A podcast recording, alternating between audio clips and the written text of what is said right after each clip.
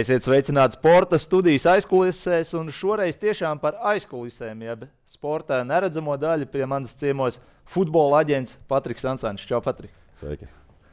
Klau, pirmais jautājums visam vienkārši. Kā tu kļuvi par futbola aģentu? Jo, nu, Latvijā ir ļoti maz tādu cilvēku, kas sev var saukt par futbola aģentiem, vai ne? Jā, nu, neteiksim tā, ka es mērķtiecīgi uz to gāju. Es gāju mērķiecīgi uz to, lai uh, būtu futbolā, lai strādātu futbolā. Uh, vispār tā mans tas, uh, futbola ceļš. Nu, bērnībā es spēlēju futbolu līdz kādiem 14 gadiem.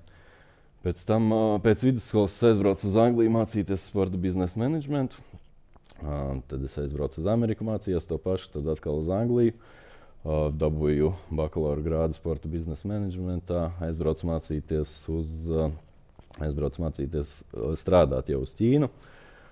Um, tur pavadīju kādu laiku, un tur bija Olimpika Liona akadēmija, kurā es biju akadēmijas menedžeris. Un, uh, tā akadēmija piederēja aģentam no Francijas. Uh, līdz ar to es iepazinu to futbola aģenta vidi, to visu biznesu kā tādu. Uh, Tajā laikā bija ļoti daudz akadēmijas no Eiropas, kas vēra vaļā savus filiālus Ķīnā. Līdz ar to tie cilvēki, kas tur strādāja, viņi nebija vietējie, bet bija, viņi bija ņemti no Eiropas. Līdz ar to izveidojās diezgan plašs kontaktu lokus. Es sapratu to biznesu un atgriežoties Latvijā, tad es uh, sāku, uh, sāku, sāku palīdzēt uh, jauniem latviešu futbolistiem aizbraukt kaut kur uz uh, ārzemēm projām. Mm -hmm. okay. Tu tā strauji izgāji visam cauri, bet uh, mazliet par tām mācībām. Man jāsaka, no savas pieredzes arī visiem jauniem saka, nu, lūdzu, ja ir iespēja brauciet mācīties uz ārzemēm, jo Latvijā ar to izglītības līmeni bieži vien ir kā ir. Mhm. Daudz, daudzās nozarēs pat īsti nav iespēja mācīties Latvijā. Par tavu pieredzi Anglijā. Kāda Jā. tā bija, kam viņi pievērš uzmanību, ko viņi mācīja tieši sporta mm. menedžmentā? Tā arī bija, ka manā laikā nebija tādas iespējas Latvijā uz vietas mācīties sporta biznesa menedžmentu. Šobrīd, ja nemaldos, ir. Mm. Un, tās pašas studijas, kā tādas Anglijā, nu, lai gan saucās sporta biznesa menedžments, ļoti pakārtotas futbolam. Mm. Visi piemēri tiek ņemti no futbola, nu, arī no citiem sporta veidiem, bet nu, pamatā tomēr tas bija futbols. Un, jā, nu, dažādas, dažādas tēmas, dažādi studiju un kursu priekšmeti. Tas pats arī tālāk Amerikā. Tur gan mazliet atšķīrās. Un, Sanāk, es nu, no Anglijas aizbraucu vēl apmaiņas programmā uz Ameriku un tad, tad atpakaļ uz Angliju. Mm -hmm. Bet kam viņi pievērš uzmanību? Tā ir vairāk prakse, tāda veida zināšanas, teorija? Uh, nē, principā vairāk bija teorija. Bija arī priekšmeti, kuros tev bija jāiziet un jādabūna kaut kāda sava veida prakse. Manā gadījumā tas bija Universitātē Anglijā. Mums bija tā kā saucās sports arēna, kur ir nu, principā futbola laukumi. Uh, milzīga, milzīga, tāda, milzīga vieta, kur ir uh, nu, jā, visa veida sporta infrastruktūra. Uh, es tur izgāju praksi. Uh, Un, uh, Amerikā, Amerikā vairāk bija teorija, tur, uh, tur prakses nebija. Bet, uh, ja tu mācies Amerikā pilnu to termiņu, kas ir uh, mm -hmm. trīs vai četri gadi, nu, tad noteikti arī tur ir nepieciešama praksa. Jo nu, tā ir uh, ļoti, ļoti nozīmīga tajā visā, lai tu iegūtu kaut kādas reālas zināšanas. Jā, tu jau pieminēji, ka Anglijā tas ir futbols, viss caur futbola frizmu notiek. Cik daudz tu gāji uz spēlēm, ar ko sapazinies, kāda bija tā futbola dzīve ārpus studijām? Oh īstenībā nebiju nemaz uz tik daudz spēlēm. Uh, mācījos netālu no Manchester United. Uh, no Manchesteras biju uz Manchester United spēlēm, biju uz uh, Manchester City spēlēm. Biju vienreiz uh, uz Championship spēli, kas bija netālu, jo tajā laikā Denis Rakels spēlēja, viņam bija izbraukuma spēle. Un, uh, jā, nu, sanāca, sanāca aiziet, uh, aiziet uz futbolu arī tur. Jā, bet nu, tagad nevar saprast, kāda ir tā Manchester zila vai sarkana. Vai jā, kā nu, sadalīt to pilsētu šīs divas lielās ir, komandas? Jā, līdz šim, līdz šim pēdējos gados zila, nu šo sezonu, šo sezonu uh, spraiga cīņa tur ir. Jā, kāda ir tā vide pilsētā? Tas vairāk par rajoniem sadalīts. Uh, jā, tas vairāk pa rajoniem sadalīts uh, tieši. Ja tā ņem stadionu, kur ir nu, ap uh, Manchester City stadionu, tur ir atkal Manchester City fani un ap Old Traffordu nu, tur atkal ir Manchester United fani. Bet uh, nu, arī nevienmēr, jo tas viņiem vairāk iet tā kā uh, ģimenē, kā tu, nu, kādas ir tradīcijas ģimenē, pa ko tev ģimene ir uh, fanojusi. Un, Jā, bet ar nepareizās krāsas krekliņu nevajag ne īstajā rajonā laikam atrasties. Ja? Jā, pavisam noteikti. nu, varbūt tur nav tik traki kā kādās Balkānu valstīs, bet uh, jā, arī tur, uh, arī tur visādi, visādi var gadīties. Jo tā fanošanas kultūra ir nu, pavisam, pavisam citā līmenī un dažreiz ārpus jebkādām normām. Trakākais, ko tu piedzīvoji, ja tu piemini, ka ārpus normām ir slavens filmas par seniem laikiem, ja tur fani viens Jā, pret nu, otru arī kāvās ielās. Tagad, trakāk. laikam, tik traki nav. Ja? Trakākais uh, stadionos gluži varbūt ne, jo tur uh, nu, tiek sadalīts, uh, kur sēž attiecīgās komandas fani. Uh, bet nu, tādos bāros nu, tur alus kausi ir gājuši pa gaisu, un tad tu labāk nu, nemaz negribi tur atrasties. Esot šajā vidē, tev sanāca to futbolu iemīlēt vēl vairāk, saprast, ka tas ir superliels bizness. Mm, jā, sanāca saprast, noteikti, ka tas ir superliels bizness, bet vai iemīlēt vēl vairāk? Es nezinu, nu, tā mīlestība pret futbolu ir bijusi vienmēr, un it īpaši noteikti viņa pat bija lielāka tajā, tajā vecumā, kad es trenējos futbolā. Tepat Latvijā. Jā, tepat Latvijā. Okay, ķeramies pie Ķīnas. Kā tas notika? Latviešu džeks, kas mācījās Anglijā un Amerikā, pēkšņi atrapās Ķīnā. Nu, tas tā nejauši diez vai var notikt. Tur bija um, konkrēts piedāvājums, kā tu to jā, atradi, nu, bija, bija konkrēts uh, piedāvājums. Um, nāk uz uh, gan Amerikā, gan arī Anglijā. Bija uh, ļoti regulāri uz uh, lekcijām nāca uh, vieslektori. Uh, kas ir no sporta vidas, kuri, kuri stāstīja par savu pieredzi. Un, visi, var teikt, pieminēja to, ka pati nozīmīgākā lieta ir networking. Tas ir nu, apmaiņā sakari, apmainīties ar kontaktiem, un viņi vienmēr atstāja arī savus kontaktus. Un, uh, iedrošināja, lai studenti viņiem raksta, interesējās. Nu, tad es arī tā sāku ar vairākiem no viņiem komunicēt. Un, uh, interesējos par kaut kādām iespējām pēc, pēc studijām. Un, tas bija tieši konkrēti Anglijā. Briti paši viņi, nu, tā, nelabprāt brauc kaut kur iegūt jaunu pie, pieredzi ārzemēs. Un, jā, es vienkārši pieteicos, man bija intervija attālināti. Un, pēc intervijas, kad nedēļas laikā mani, mani apstiprināja, un tad jau es vasaras beigās braucu uz Ķīnu. Mm -hmm pirmais kultūras šoks Ķīnā. Es saprotu, tu biji Šanhajā, viena no lielākajām pilsētām pasaulē. Ko tu tur ieraugi, kas tev šokē, varbūt pārsteidz? Uh, nu, nezinu, vai es tur kaut ko tādu ieraudzīju, kas man šokēja. Es aptuveni zināju, uz kurien es braucu. Es biju arī iepriekš bijis Ķīnā. Uh, bet, uh, tas, tā pati dzīves kultūra, kā viņi tur dzīvo un kā viņi tur strādā bez brīvdienām no rīta līdz vakaram. Nu, tas bija radīja to kultūras šoku. Lai gan nu, es iepriekš biju pabijis diezgan daudz, diezgan daudz visādās vietās pasaulē, bet nu, tur tiešām laikam pirmo reizi bija tāds kultūras šoks sajūtu līmenī. Ne tas, ka tu tur redzi kaut ko, bet vienkārši tu tur jūties, jūties tā kā tu būtu kaut kur pilnīgi citur. Jā, bet Francijas klubs Ķīnā. Kāpēc tā? Kāpēc Francijas klubam vispār ir interesanti? Tajā, tajā laikā mm, Ķīnā tas bija. Tas bija arī tādā tā kā valdības līmenī, ka valdība ieguldīja uh, līdzekļus futbolā, futbola attīstībā. Nu, respektīvi, tas viss sākās no, uh, no akadēmijām. Un, uh, viņi Nu, viņiem tā ideja, tas koncepts bija, ka nevis savas vietējās akadēmijas, bet viņi kā, vilks uz, uz Ķīnu visas kā, Eiropas, slavenās, uh, Eiropas slavenos klubus, lai viņi var vaļā savas akadēmijas. Līdz ar to viņiem vajadzēja arī cilvēkus no turienes, uh, kā jau es minēju, mums bija. Uh, tas bija franču aģents, kam tas viss piederēja kopā ar vienu ķīnie, ķīniešu investoru. Un, uh, tajā laikā nu, tur bija uh, Olimpika, Liona, Manchester City, nu, vairākas Premjerlīgas komandas, ļoti daudzas Itālijas komandas un no Vācijas.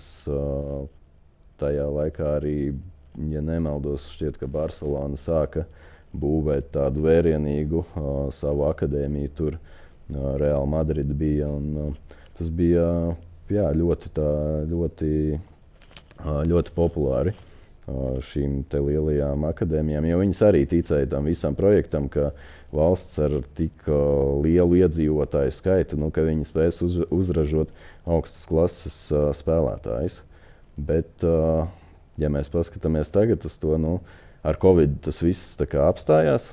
Šobrīd esmu dzirdējis, ka tas lēnām sāk atgriezties, bet ne vairs ar tādu, ne vairs ar tādu enerģiju, kā tas bija toreiz. Jo nu, mēs arī tagad, uh, arī profesionālā līmenī redzam, toreiz uz uh, Ķīnu brauca nu, ļoti daudzi uh, Eiropas kā, spēlētāji ar ļoti lieliem vārdiem, bet uh, šobrīd tas ir kā, mazliet, uh, mazliet piebremzējies. Jā, tajā Lionas Olimpiskajā akadēmijā tikai ķīnieši trenējās vai arī eiropieši? Uh, nē, trenējās uh, gan ķīnieši, gan eiropieši. Ne tikai Eiropieši. Mums, -hmm. Mūsu akadēmijā bija Halka dēli. Viņš Brazīlijas Dvīņi. Viņš tobrīd spēlēja Šanhajas, vienā no Šanhajas komandām. Un, jā, bija nu, no visas pasaules principā. -hmm. Labi. Laba pieredze Ķīnā. Covid bija tas, kāpēc tu atgriezies Latvijā? Kas, kas mainīja tavu dzīvi? Nē, tas brīdī? jau es atgriezos jau pirms Covid, kādus, kādus divus gadus.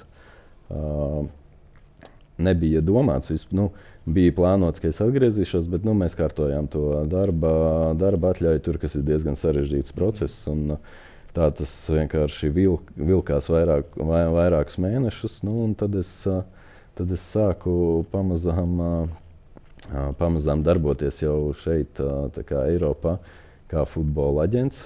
Un, un jā, tā arī es te esmu palicis. Jā, kā Eiropā var kļūt par futbola aģentu? Tas jau nav tik vienkārši, vai ne? Ka es gribu to darīt, ir vajadzīga licence vai ne? Uh, jā, nu tagad uh, FIFA ir mazliet pamainījusi, pamainījusi tos uh, noteikumus un vispār to procedūru būs tagad uh, centralizēts uh, aģenta eksāmens, kas uh, pirmais, ja nemaldos, marta beigās vai aprīlī. Un, nu, kā kļūt? Jā, nu viens, ir, viens ir šī licence, otrs ir, nu, tev jā, vajag, vajag savus spēlētājus, vajag kontaktus. Un, jā, vajag sākt, sākt palīdzēt tiem spēlētājiem piepildīt savus mērķus. Tu pieminēji to eksāmenu. Kas ir tās lietas, kas jāzina? Tie ir Juridiskie termini, juridiskās jā, ir, lietas, nu, komunikācija. Ir, nē, tas ir galvenokārt juridiskās lietas. Ir, uh, ir šie noteikumi, kas ir speciāli paredzēti spēlētāju aģentiem. Uz, ja nemaldos, kaut kādām 60, 70 lapām. Nu, tad uh, jā, tev principā tas ir jāzina, un, uh, un tad uh, tālāk arī attiecīgi būs šis eksāmens. Mm -hmm. Jā, kāds bija tavs sākums, kāda bija noteikumi tajā brīdī? Bija jābūt licencei, kaut kas bija jāzina. Uh, nu, tas ir īstenībā vēl aizvien, uh, vēl aizvien līdz šim. Nu, kā, uh, ir licences, bet uh, ļoti daudzi aģenti strādā bez licencēm, jo nav tādas tā kā, kopējas sistēmas un ir uh, tas ļoti, ļoti nesakārtota vide. Uh, Un, uh, bieži vien viņa nemaz, uh, nemaz nav vajadzīga. Tādējādi, uh, tādējādi visi aģenti, nu ne visi aģenti, ļoti daudz aģenti strādā bez šīm licencēm. To par kaut kādā ziņā par melno tirgu var saukt. Vai, vai nav tik traki? Nu, nav tik traki vienkārši. Nu, tie noteikumi ir līdz šim ir bijuši tādi, ka tas netiek tik ļoti kontrolēts, un līdz ar to, līdz ar to ļoti daudz to arī tā izmanto. Itālijā Itālijā šobrīd jau kādu laiku tas ir. Viņi ir sākuši to diezgan, diezgan strikti kontrolēt. Un, respektīvi, ja tu noslēdzot profesionālu spēlētāju kādā klubā, ja tu nespēji uzrādīt savu aģentu licenci un, kas arī ir apstiprināti, nu, ko apstiprina Itālijas Futbola Federācija, tad tev nevar izmaksāt uh, aģentu komisiju. Mm -hmm. Vēl par savu sākumu. Kā tu sāki? Kā pirmie spēlētāji tev uzņēma, kā tu viņus uzrunāji? Vai tu sāki pilnīgi no baltas lapas? Uh, nē, es uh, uh, principā komunicēju ar šiem uh, cilvēkiem, ar kuriem es biju izveidojis attiecības jau Ķīnā un no kuri arī darbojās, darbojās te Eiropā. Un, gan viņi man sūtīja kaut kādus spēlētājus, gan arī es viņiem nu, ne tā kā sūtīju spēlētājus, vienkārši rādīju, kāda mums, jā, kāda mums tas spēlētāji ir. Un, tā arī, tā arī pamazām, pamazām tas sākās. Nu, es pievienojos Baltikas Sports Agency, kas līdz tam jau bija centušies kaut ko darīt futbolā. Un, un arī tur bija jau sava spēlētāja bāze. Nu, tad, uh, jā, tad mēs lēnām, uh, lēnām sākām no turienes. Jā, Baltijas Sports aģentūra saistās ar Arthuru Kalnītu, vai ne? Ar Jā. basketbolu. Ļoti daudz Latvijas labākie basketbolisti un ne tikai kā futbols tur iekļāvās. Es saprotu, ka pirms tevis jau tu teici, ka kaut kas bija, bet vēl ne tādā līmenī. Uh, jā, pirms, uh, pirms manis arī notika kaut kāda darbība. Nu, šobrīd, kā futbols tur iekļāvās, nu, mēģinu izveidot savā ziņā to pašu, ko Arthurs ir izveidojis basketbolā. Tā galvenā, galvenā ideja un tā doma ir sākt no pašiem pamatiem, respektīvi strādāt ar spēlētājiem jau kad viņiem ir 14, 15 gadi rast viņiem iespējas iegūt pieredzi akadēmijās, augstākā līmeņa akadēmijās Eiropā. Un, tādējādi, arī, tādējādi arī virzīties uz priekšu, jo, nu, palīdzot viņiem, šiem spēlētājiem, menedžēt, menedžēt viņu karjeras. Mm -hmm. Jā, kā tu vari nopelnīt? Ne? Skaidrs, ka lielajā tirgū tur ir tās aģentu maksas 5 līdz 10 procenti. Bet, nu, ja tu sūti jauniešus 14, 15 gados uz akadēmijām, tur jau liela nauda vai nauda vispār nefigurē. Ne? Jā, nu, tos jauniešus, jauniešus var sūtīt, uz, viņi var pievienoties ārzemju akadēmijās sākot no 16 gadiem. To paredz UFA noteikumi. Nu, mm, jā, tā, jauniešu līmenī, ja tas nav profesionāls kontrakts, tad, tad tur īsti nekāda nauda neapgrozās. Mm, cits gadījums ir, ja tur notiek transfers par, par transferu maksu, mm, teiksim, no kādas no vienas akadēmijas šeit uz kādu citu akadēmiju kaut kur Eiropā. Tas ir nu, tā jauniešu līmenī. Protams, arī pārstāv vairākus, nu, diezgan daudzus profesionālus futbolistus. Un, gan Latvijā, un, gan arī ārzemēs. Tā kā, nu, arī, arī esam jau tikuši arī līdz tam profesionālajam līmenim.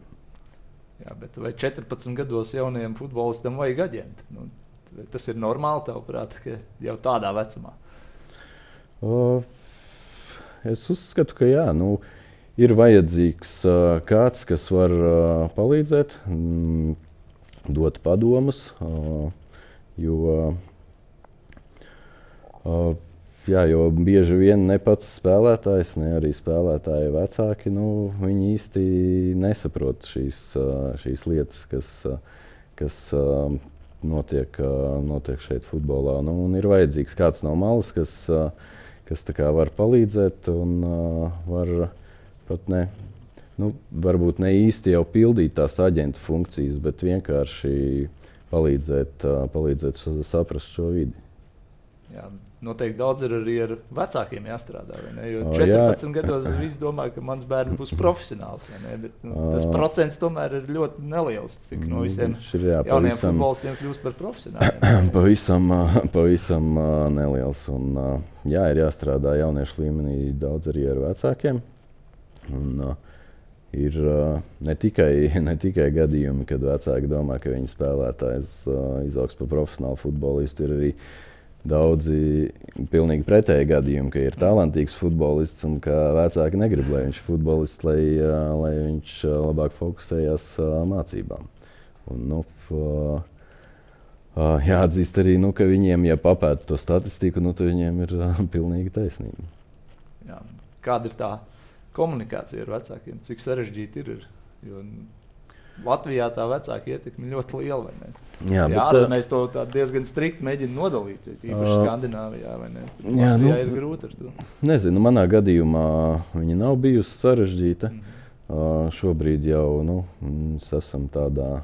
Nu, tādā punktā, ja tā varētu teikt, ka nu, vecāki paši tevi uzrunā, mm -hmm. un uh, viņi paši interesējās par iespējām. Un, uh, uh, jā, man tā pieredze nu, nav bijusi. Ir, protams, bijušas situācijas, jā, ka tev ir jārisina daudz dažādas uh, problēmas, un arī jāapskaidro vecākiem uh, uh, visādas nianses. Bet uh, nu, jā, es neteiktu, ka uh, tas būtu tas sarežģītākais šajā, šajā darbā.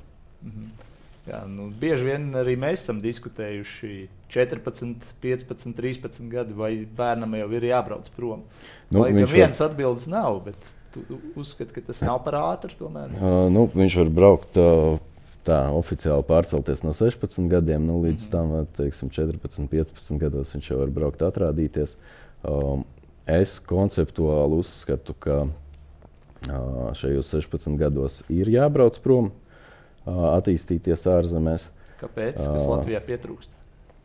Bet, uh, bet katrs, uh, katrs spēlētājs ir tomēr uh, jāskatās individuāli. Un, Ļoti daudzi arī tīpaši latvieši, viņi psiholoģiski nav gatavi, lai brauktu prom. Kāpēc, manuprāt, ir jābrauc prom? Nu, tas ir. Es uzskatu, ne tikai, ne tikai futbolā, bet vispār dzīvē kā tādā, lai tu attīstītos. Nu, šajā gadījumā, kā futbolists, tev ir jābūt vidē, kur apkārt ir nu, varbūt neteiksim visi par tevi labāki, bet nu, vismaz tavā līmenī, vai arī tādi, kuri grib būt par tevi labāki. Nu, līdz ar to tu pats vari ātrāk un straujāk progresēt. Un, nu, otra lieta, nu, kaut kādā ziņā, lai progresētu dzīvē, tev ir tomēr jāizkāpj no savas komforta zonas. Un, un, jā, nu, tāpēc Un arī tas pats treniņu process un viss, kas, uh, kur es tur esmu bijis un redzējis, un, uh, tas līmenis tur ir uh, stipri augstāks nekā šeit pie mums. Jā, bet tas ir stipri jāizvērtē, vai ne? Uz kurien tu brauc un cik daudz laika tev varēs veltīt. Jā, ir arī uzskats, ka Latvijā tomēr tāda personīgāka pieeja. Daudz tur aizbrauc, tu esi viens no. Jā, tāpēc, es, tāpēc es saku, ka ir. Uh, ir jāizvērtē katrs spēlētājs individuāli, un daži tiešām tam nav gatavi, un dažiem tiešām nevajag braukt projām. Bet ir katrā ziņā noteikti vērts ir aizbraukt, paskatīties uz tām pašām pārbaudēm. Un tad arī, tad arī saprast, cik šis jaunais futbolists ir psiholoģiski gatavs atrasties tajā vidē. Jā, par taviem klientiem runājot, liela daļa ir Itālijā, Kāpēc tā? Tev ir īpaša saikne ar Itālijas klubiem, Itālijas aģentiem. Parasti aģentiem prasa, kas ir galvenais. Galvenais ir kontakti. Es pieļauju, ka tev ir kontakti vairāk Itālijā. Kāpēc tas Itālijas virziens ir populārs? Uh, nu, tur ir uh, vairāki faktori. Viens uh, no tiem noteikti ir kontakti. Mm. Otrs ir, nu, ja man tā vajadzētu izvēlēties, uh, Uz, ja es varētu izvēlēties, uz uh, kurieni, uz kādām akadēmijām braukt, tad, nu, protams, es uh, labāk izvēlētos akadēmijas Holandē, uh, Beļģijā, Austrijā. Kāpēc? Mm. Kur ir tā nianses? Uh, manuprāt, viņi strādā ar šiem jauniem spēlētājiem uh, daudz uh, rūpīgāk, tā varētu teikt. Tas, uh, arī tas solis līdz uh, pirmai komandai. Viņš, uh, nav tik, tik liels kā pieņemsim Itālijā. Um, arī tās vecuma grupas Itālijā. Pēdējā vecuma grupa ir U-19, tad tajās manas iepriekš minētās valstīs tur ir arī U-21.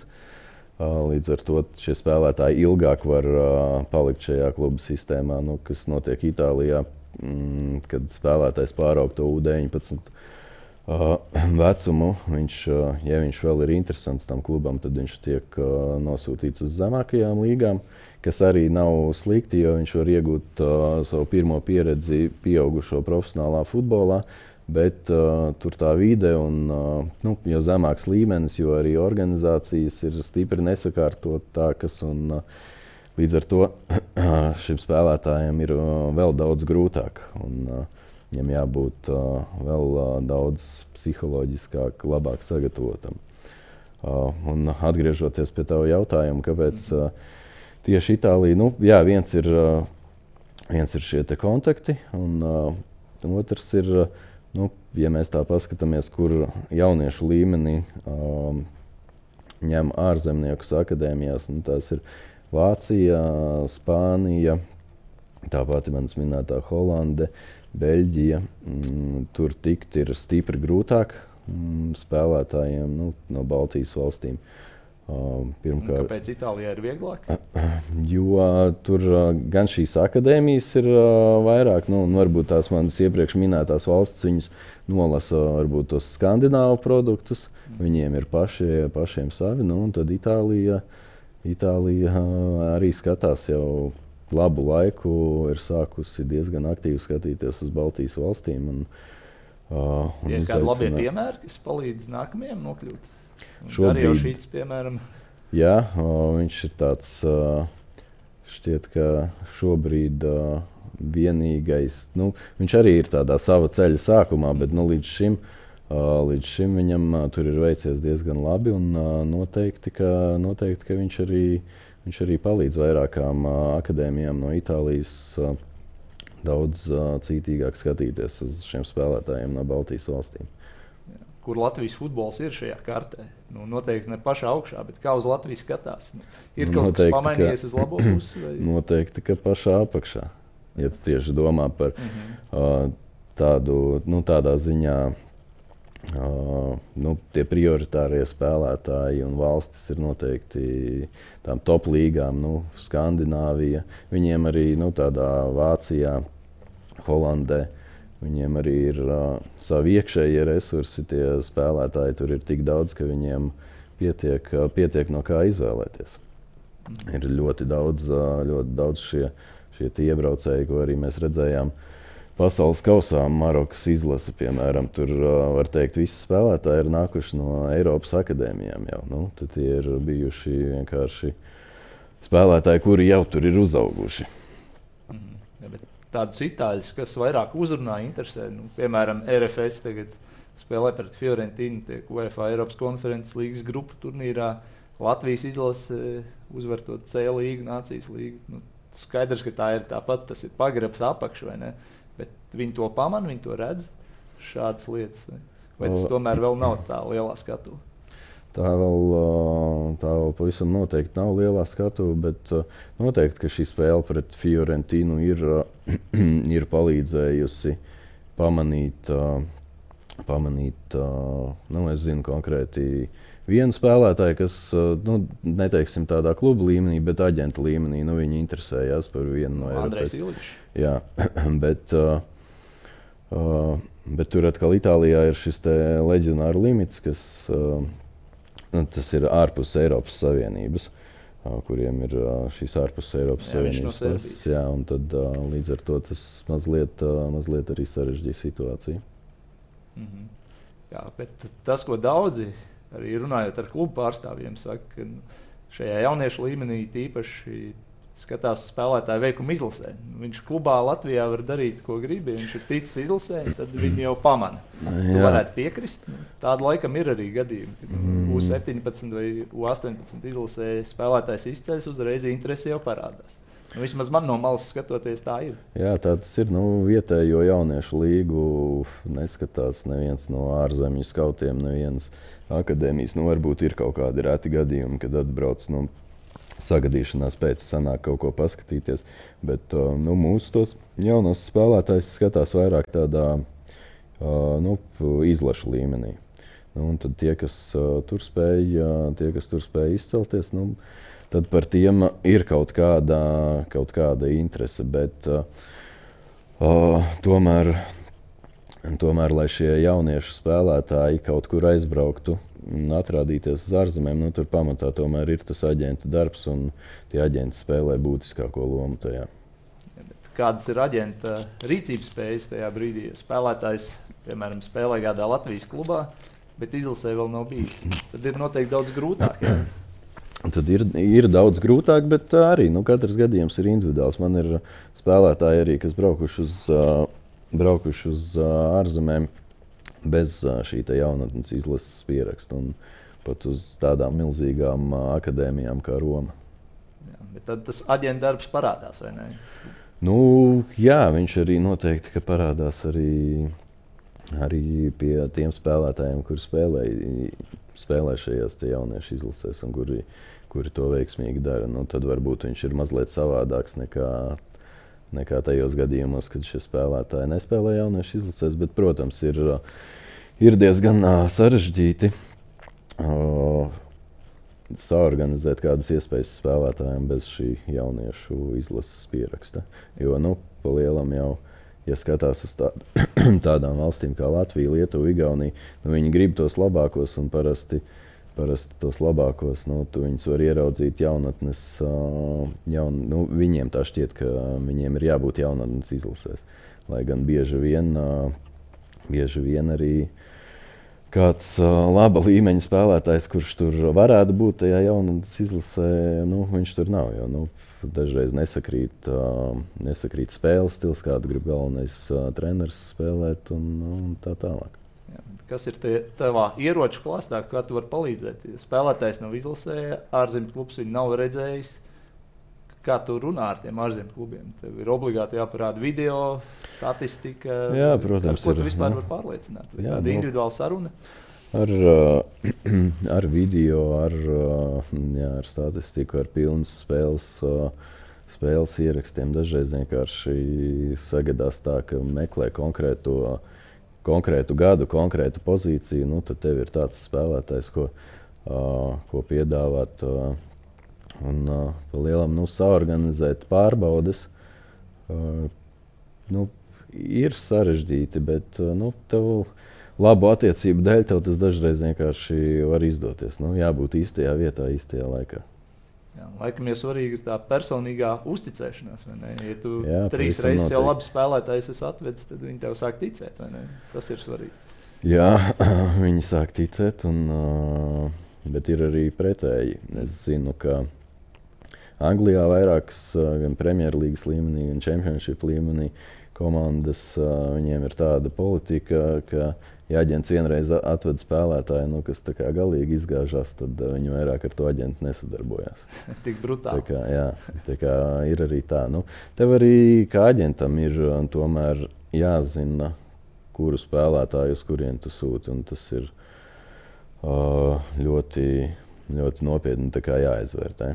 Nu, gan arī priekšspēlētāji, gan arī priekš savas reputācijas un priekš attiecībām ar klubu. Tā reputācija ļoti svarīga. Tas, Jā. ko tu minēji, tu vienreiz atvedi ne to labāko spēlētāju, tad var visādi beigties. Jā, tieši tā. Un, uh, to arī var. Tāpēc arī tev ir šis spēlētājs, nu, ne tikai jāzina viņa futbola kvalitātes, bet arī viņš kā personība. Jo man ir bijuši gadījumi, kur es aizvedu, nu, kur es noorganizēju spēlētājiem pārbaudas, kurš um, man pats kluba prezidents ir teicis, ka viņš var spēlēt uh, sākuma sastāvā pie mums, bet uh, cilvēciski viņš, uh, viņš mums nedara šeit. Kas ir tās cilvēciskas īpašības? Nu, nu šajā konkrētajā gadījumā neminēšu konkrētu vārdu, bet uh, nu, tādas ikdienas situācijas, nu, kur tu tomēr uh, pamani to cilvēku, kāds viņš ir. Nu, uh, šeit man minēja, ka savāca tieši šis kluba prezidents. Viņu savāca vedu uz treniņu vai spēli, neatceros precīzi. Un, uh, viņi sēž mašīnā un tā vietā, lai spēlētājs nu, komunicētu ar šo klubu prezidentu, viņš nosēž visu laiku telefonā un uh, vispār nepievērš uzmanību. Nu, jā, nu, tādas, tādas lietas, ko. Uh, kam tiek pievērsta uzmanība un kas beigās nu, var arī nospēlēt ļoti izšķirošu lomu. Tādā jauniešu līmenī varbūt profesionālajā līmenī tas, ir, tas tomēr ir savādāk. Mm, ja klubs ļoti grib, ļoti grib spēlētāju, kurš tiešām ir augsta līmeņa, un viņi zina un tic, ka viņš viņiem var palīdzēt, nu, tad bieži vien pievēr acis visādām blakus lietām. Jā, bet tas ir bizness vai ne šajās lielajās valstīs. Tev jā. kaut kādā mērā sev ir jāpārdod arī ārpus laukuma. Ne? Nu, nepietiek, ka tu vari iesist bumbu vārtos vai tavs futbola kvalitātes, bet skatās uz personību lielā mērā. Mm, arī jā, bet uh, varbūt futbolā tas nav tik izteikti. Mm. Bet, uh, uh, bet nu, noteikti jā, tas spēlē arī savu lomu.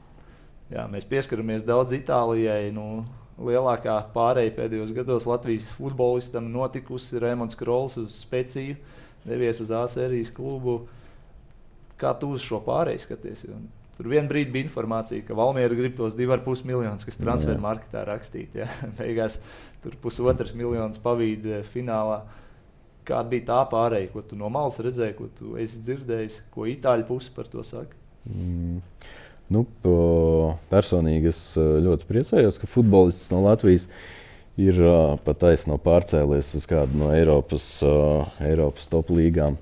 Un, ļoti ceru, ka viņam viss tur izdosies, jo savā ziņā, savā ziņā no viņa būs atkarīgs, kā tagad nākotnē skatīsies, skatīsies uz spēlētājiem no virslīgas. Jo nu, viņš mums šeit virslīgā bija tāds uh, nu, tiešām uh, top, uh, top produkts. Un, uh, un, ja viņam tur ies labi, noteikti tas palīdzēs visam uh, Latvijas, uh, Latvijas futbolam kopumā. Un arī nākamos gadus mēs varam uh, cerēt, uh, uh, cerēt uz. Uh, šādiem transferiem. Uh, bet, uh, ja man prasa personīgo viedokli, nu, es tomēr uzskatu, ka tas lēciens bija mazliet pa augstu. Es ceru, ka es kļūdos. Uh, Um, bet uh, es arī saprotu, nu, tādā, nu, nu, tā no kluba puses, ka viņi ir investējuši viņa algu. Un, tā summa, ko viņi par viņu grib saņemt, nu, varbūt var atļauties tikai tās top 5 līgas.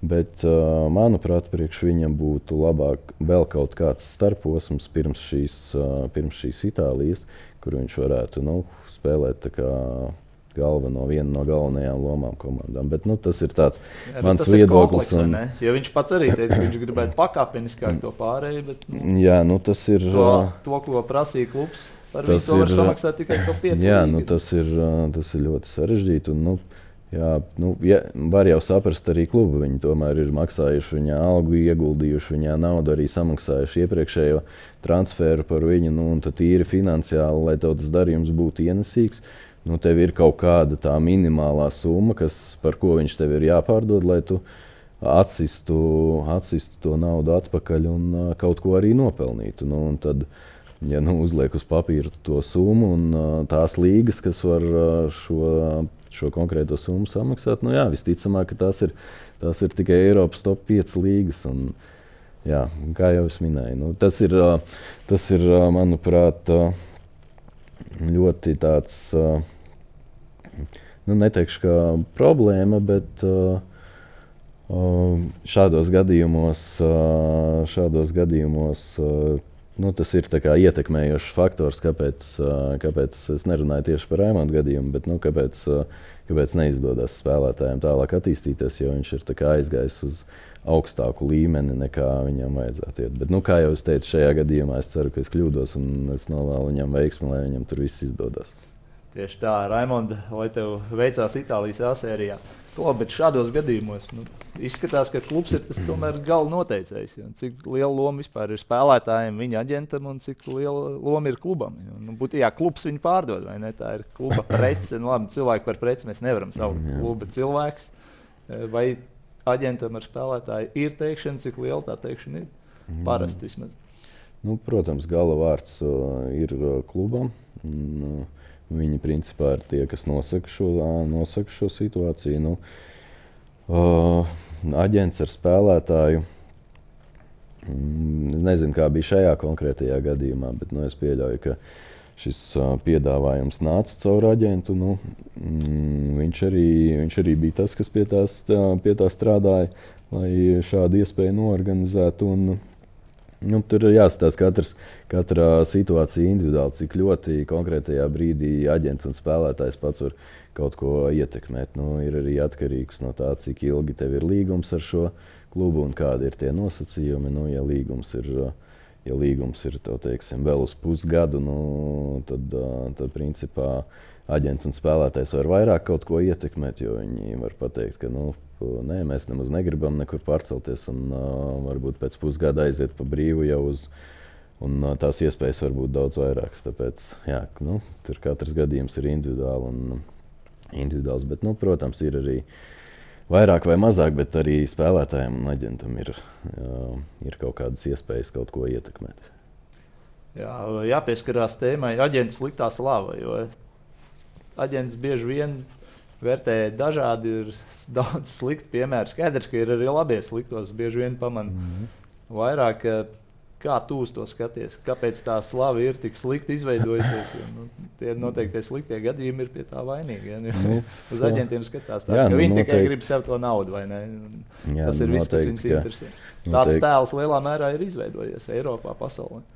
Uh, jā, nu, noteikti dēļ šiem sliktajiem piemēriem. Viņi noteikti ir uh, varbūt vairāk nekā nu, par cik tie aģenti ir ļoti daudz. Tad, uh, nu, ļoti iespējams, ka tie sliktie piemēri ir pat vairāk nekā labie piemēri. Bet nu, tajā pašā laikā ir arī. Nu, Ir arī slikti klubi, slikti treneri, negodīgi treneri, klubi, spēlētāji. Un, uh, uh, slikti žurnālisti arī un, uh, Jā, nu, tas ir. Katram jau tā pieredze ir kaut kāda savādāka. Varbūt uh, tie, kas tā runā, nu, viņiem nav patrāpījies strādāt ar uh, profesionāliem aģentiem. Viņu tā pieredze ir slikta. Kaut kur viņi jūtās, kaut kur viņi jūtās tā kā, nezinu, tā var teikt, apčakarēti. Bieži vien arī nu, klubi jau ir tie, kas principā šo, kā, nu, šo informāciju izplatīja, kad nu, aģenti nu, ne visi, bet ir tie sliktie aģenti. Nu, tajā pašā laikā aģents strādājot ar spēlētāju, viņam ir jāpārstāv spēlētāja intereses, nevis kluba intereses. Nu, tad, ja viņš pārstāv spēlētāja intereses, kas ļoti bieži, vairākums gadījumu, nav vienādas ar kluba interesēm, nu, tad, protams, ka kāds teiks, ka kāds ir sliktais šajā visā, jo viņš mēģina vai nu spēlētāju kaut kā aizvilkt prom uz, no kluba vai nepiekrīt kaut kādiem līguma nosacījumiem. Uh, Kā, nu, tur noteikti katrs var, katrs var izstāstīt pats savu pieredzi ar, ar aģentiem, gan klubi, gan arī spēlētāji. Nu, es arī esmu dzirdējis bēdīgas pieredzes gan no klubiem, gan arī no, gan arī no spēlētājiem. Jā, nu, tas, ko paši spēlētāji saka, nu, jā, tas aģents nevienmēr visu grib stāstīt. Un, protams, ka aģents arī kaut kādu naudu par to saņem. Viņam ir svarīgi, lai viņam būtu izdevīgs šis darījums. Tā, nu, tas nav tik vienkārši. Nu, skaidrs, ka tas ir aģenta izdevīgums tur arī kaut kādu lomu spēlē. Protams, jā, viņš spēlē. Uh, bet, uh, manuprāt, spēlētāja interesēm ir jābūt pirmajā vietā. Un, uh, jo tu vairāk palīdzēsi tam spēlētājam, un, jo viņam lielākas iespējas sasniegt to, to pašu augstāko līmeni, nu, tad arī tas finansiālais nekur neizpaliks. Un, viņš agrāk vai vēlāk būs. Bet, uh, Bet jā, arī man ir stāstījuši spēlētāji par uh, savu, savām pieredzēm ar iepriekšējiem, uh, ar iepriekšējiem aģentiem. Nu, daudz visādas, uh, daudz visādas interesantas lietas ir uh, dzirdētas, bet nu, bieži, vien arī, bieži vien arī viņas varbūt kaut kur neatbilst patiesībai, un kaut kas, uh, kaut kas tur līdz galam nav saprasts arī no spēlētāja puses. Jā, viena pagala nedeg, vai ne? jā. jā, bet klau, mazliet par līgumiem paturpinot. Uh, Agrāk bija tie 10% slavenie, ka aģents mm. savāca 10% no šīs summas. Eh, tagad spēlētāji paši saka, nu, 5 līdz 7%. Ja, eh, bet man arī spēlētājs stāstījuši, ka ir spēlētājs parakstījis vienu līgumu, ka 90% no atalgojuma pienāks aģentam. Nu, tagad, jā, nu, kā, kā tu skaties šiem līgumiem? Cik tādu... uzmanīgiem jābūt spēlētājiem? Nu? Nē, esmu tādu gadījumu dzirdējis, un tas ir no, nu, pretrunā ar visiem UFA likumiem par šādu procentu. Bet nu, pēc, pēc FIFA likumiem tas ir līdz 10%. Mm -hmm. Um, tu vari saņemt no spēlētāja, no spēlētāja atalgojuma.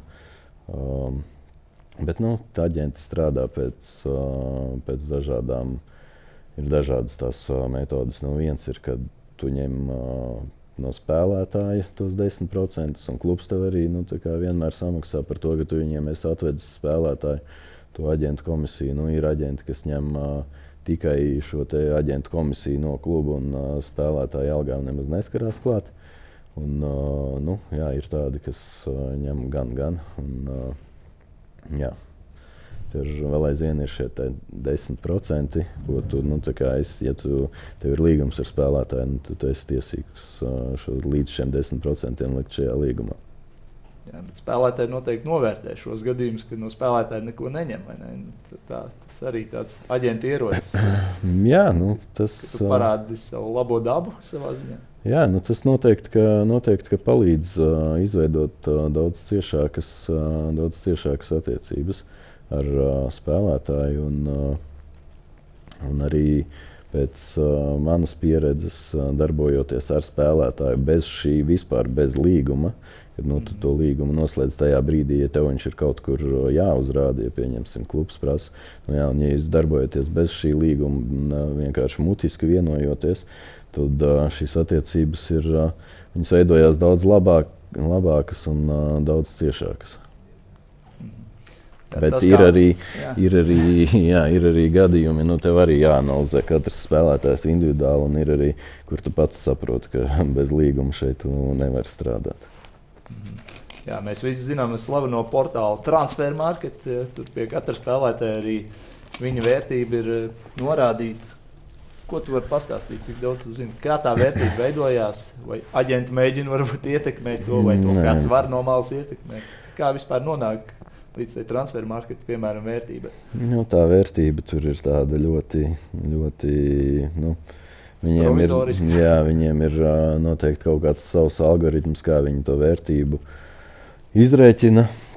Mm, attiecīgi, kurās līgās spēlētājs spēlē un kāda statistika, vai tur ir nacionālās izlases pieraksts vai nav. Un, jā, tā vērtība pilnībā neko neizsaka. Varbūt dažreiz, jā, klubs paskatoties, nu, aptuveni tu vari saprast, kāds ir tas līmenis. Un, bet uh, viņi tur nespēlē ne, nekādu lomu kaut kādās, lai nu, atrunātu, pieņemsim, labākus nosacījumus par līgumiem, kad nu, tu nevari teikt, redz, Jā, var teikt, tas vairāk faniem un līdzjutējiem. Jā, vairāk faniem, līdzjutējiem, nu, arī, arī nu, tiem pašiem visiem cilvēkiem, kas darbojās futbolā. Nu, kaut, kādu, kaut kādu ideju tas rada par spēlētāju, bet nu, tur nav nekāda, nekāda saistība ar viņa teiksim, tā, reālo vērtību naudas izteiksmē. Jā, par virslīgu parunājot, leģionāra limits noteikti tas tā tāda sāpīga, interesanta tēma, kas daudziem rūp. Eh, šobrīd obligāti laukumā tikai trim latviešiem jābūt eh, tev kā aģentam. Cik ļoti tas sašaurina iespējas atrādīt spēlētājus, ja tā var teikt. Nu, skaidrs, ka tu strādā arī ar ārzemniekiem, bet nu, vai tā ir problēma? Ka, nu, mm. Daudzās komandās, nu, Rīga, FC, arī RFS, nu, tur maz latviešu tiek laukumā. Valmiera tādā ziņā bija labs piemērs, kur daudz jaunie latvieši spēlē. Tas pats mūsu pieminētais Raimons Krolis. Bet, nu, ir klubi, kur tie trīs latvieši arī tikai ir pamatsastāvā. Jā, nu, kā uz to skatās? Nu, tas noteikti ceļ kopējo virslīgas līmeni. Mm, dod, brauc pie mums uh, kvalitatīvi ārzemnieku spēlē, ārzemju spēlētāji. Mm, nu, bet tajā pašā laikā tas manuprāt, nepalīdz tā kopēji jaunajiem Latvijas futbolistiem tieši. Tieši jaunajiem. Jā. Jo nu, viņi nu, vienkārši ir tie trīs, tie trīs latvieši tajās top komandās. Nu, pārsvarā jau ir, pārsvarā ir pieredzējušie arī nu, ļoti bieži vārdsargi vai aizsargi. Un, nu, tās, tās pamatlietas jau risina visbiežāk ārzemnieki tev tas apgrūtina darbu. Ja tu, ja mēs paskatāmies uz spēlētāju sarakstu, nu, 16, 18 līdz 23 gadi. Nu, skaidrs, ka jūs ar jauniem vairāk strādājat. Nu, Nē, es kā, neteiktu, kā ka, es neteiktu, neteiktu, ka man tas apgrūtina darbu. Uh, es uh, nu, tā baigi uz virslīgu nefokusējos. Mm. Tas uh, jā, galvenais, uh, galvenais fokus ir tās ārzemes jau no, jau no tiem iepriekš minētajiem 16 gadiem. Um, protams, ir arī spēlētāji, ir arī spēlētāji virslīgā. Uh, nu, jā, viņiem, viņiem ir grūtāk, grūtāk tikt laukumā un grūtāk sevi pierādīt, izveidot to savu statistiku. Nu, tādā veidā tiem spēlētājiem, varbūt latviešiem, kas, kas spēlē virslīgā un maz spēlē, nu, tas kaut kādā, ziņā, kaut kādā ziņā apgrūtina to darbu, lai viņus tālāk kaut kur aizsūtītu.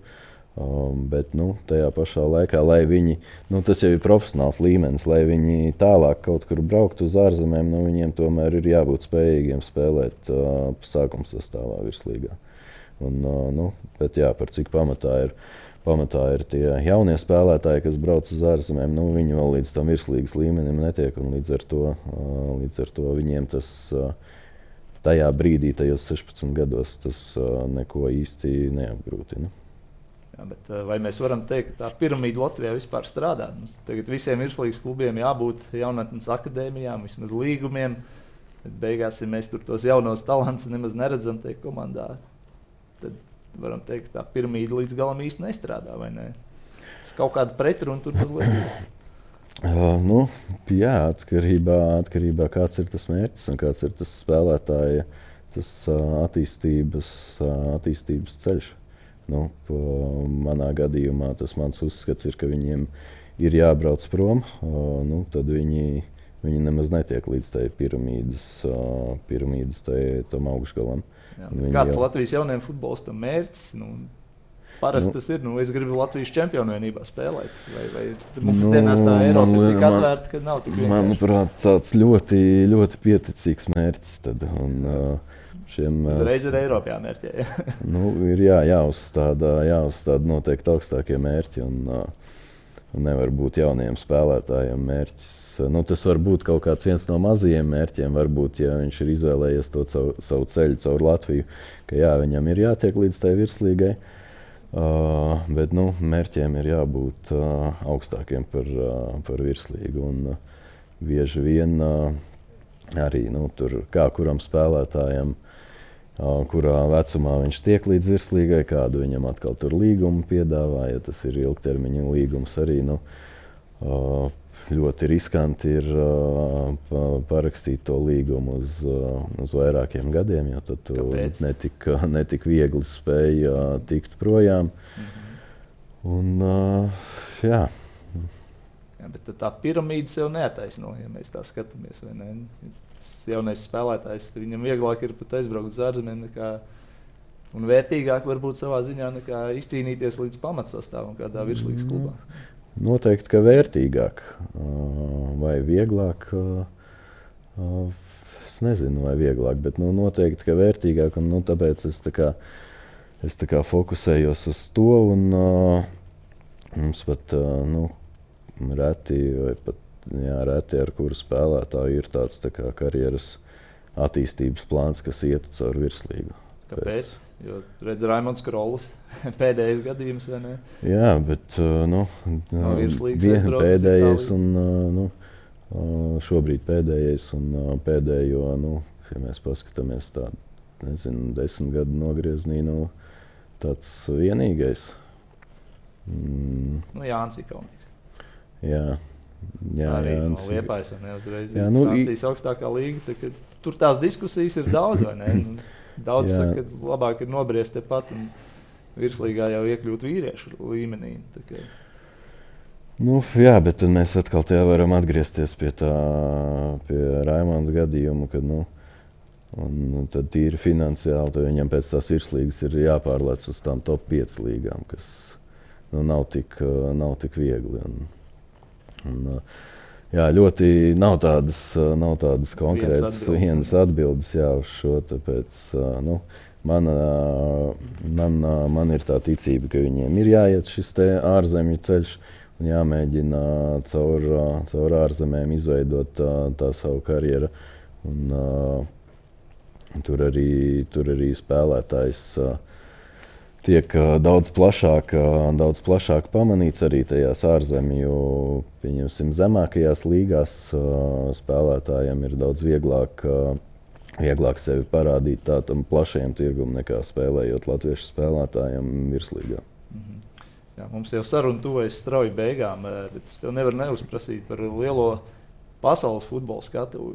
Kā tu raksturo to, kas nu, pēdējās, pēdējos piecos, desmit gados ir noticis? Nu, tas cenas transferi ir tādā kosmosā uzlikuši. ja, ja kādreiz tur Zidāns un dažs labs pietuvojās 100 miljonus slieksni, tas jau bija rekords. Nu, tagad jau katrs otrais gandrīz lielais darījums ir pārpus 100 miljoniem. Tagad arī Mudriks ne, no Ukrainas pārcēlās uz Premjerlīgu. Nu, kas notiek ar to Eiropas futbola skatuvi? Nu, kāpēc tās summas tik kosmiskas? Nu, attiecīgi, tie klubi ir gatavi maksāt tādas summas. Un, uh, līdz ar to arī tie spēlētāji, spēlētāji pārceļas par tādām summām. Nu, viņiem klubiem ir kaut kāds savs, uh, savs pamatojums, kāpēc viņi, uh, kāpēc viņi ir uh, gatavi šīs summas maksāt. Un dažiem varbūt daži iet varbūt līdz kaut kādam slieksnim, ka viņiem tas ir ekonomiski, ekonomiski pamatojams. Nu, daži lielie klubi, kā Parīze, un, mm -hmm. nu, tur, nav, tur nav nekāda bieži vien nekāda pamatojuma. Ja viņiem vajag šo spēlētāju, nu, cik vajadzēs, tik arī viņi samaksās. Jā, par Mudriku gadījumu īsumā, ko tu vari teikt. Tu noteikti arī palasīsi tās aizkulisēs, ka viņš jau bija praktiski arsenāls. Viss jau ir izdarīts, un pēdējā brīdī Chelsea pārmaksā, un viņš jau pēc brīža ir Chelsea stadionā. Nu, Kā tas var notikt? Ļoti bieži notiek šādi gadījumi. Arī tas pats virslīgā uzspēlējušais uh, Tolu, kas uh, pārcēlās uz. Uh, Vajadzēja viņam braukt uz Anderlecht, Beļģijā, un pēdējā brīdī viņš pārcēlās uz citu Beļģijas komandu. Nu. Tur arī ir šīs mūsu pieminētās aizkulisēs, kāds, kāds kaut ko pārsola, piedāvā labākus nosacījumus. Nu, tā, tā tas notiek. Un, līdz šim vienmēr ir noticis, un es domāju, ka tā tas arī, tā tas arī notiks turpmāk. Futbolists nav mazliet marionete. Nu, pēdējā brīdī, kad samaksā vairāk. Labi, Londona vismaz maz vai ne? No Arsenāls. Nu, jā, bet mēs jau nezinām, varbūt, uh, varbūt arī futbolists. Uh, tajā, nu, viņam jau neviens, jau neviens nespiež. Tā jau beigu beigās ir viņa paša izvēle.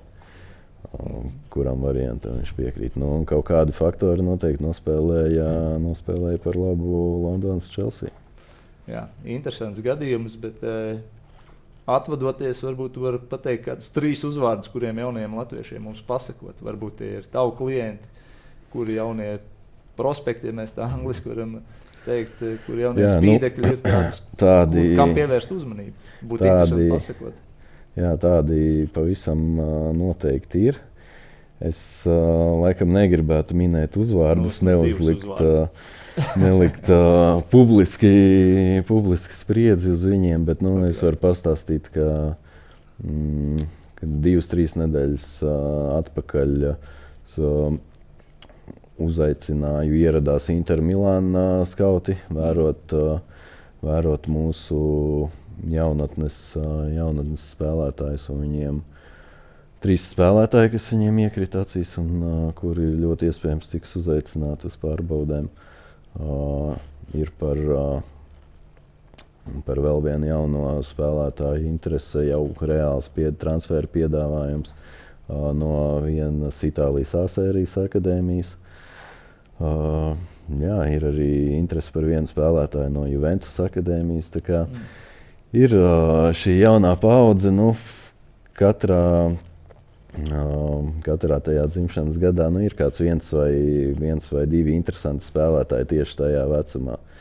Nu, bieži vien gan tā pieredze rāda, ka, ja tu tajā vecumā tu esi šajos 15, 16 gados interesants, nu, tad tu jau Latvijā paliec 17, 18 gadi, tad jau vairāk tu šiem lielajiem vārdiem vairs neesi, neesi tik ļoti interesants. Katrā ziņā gaidām jaunums No interviju Ventus, eh, kāds latviešu uzvārds ir parādījis. Pavisam noteikti. Super. Paldies, ka atnācāt ciemos. Jā, eh, paldies, ka Patriks Ansāns, eh, futbola aģents. Paldies arī jums, ka skatījāties un tiekamies jau citās sporta studijas aizklausēs.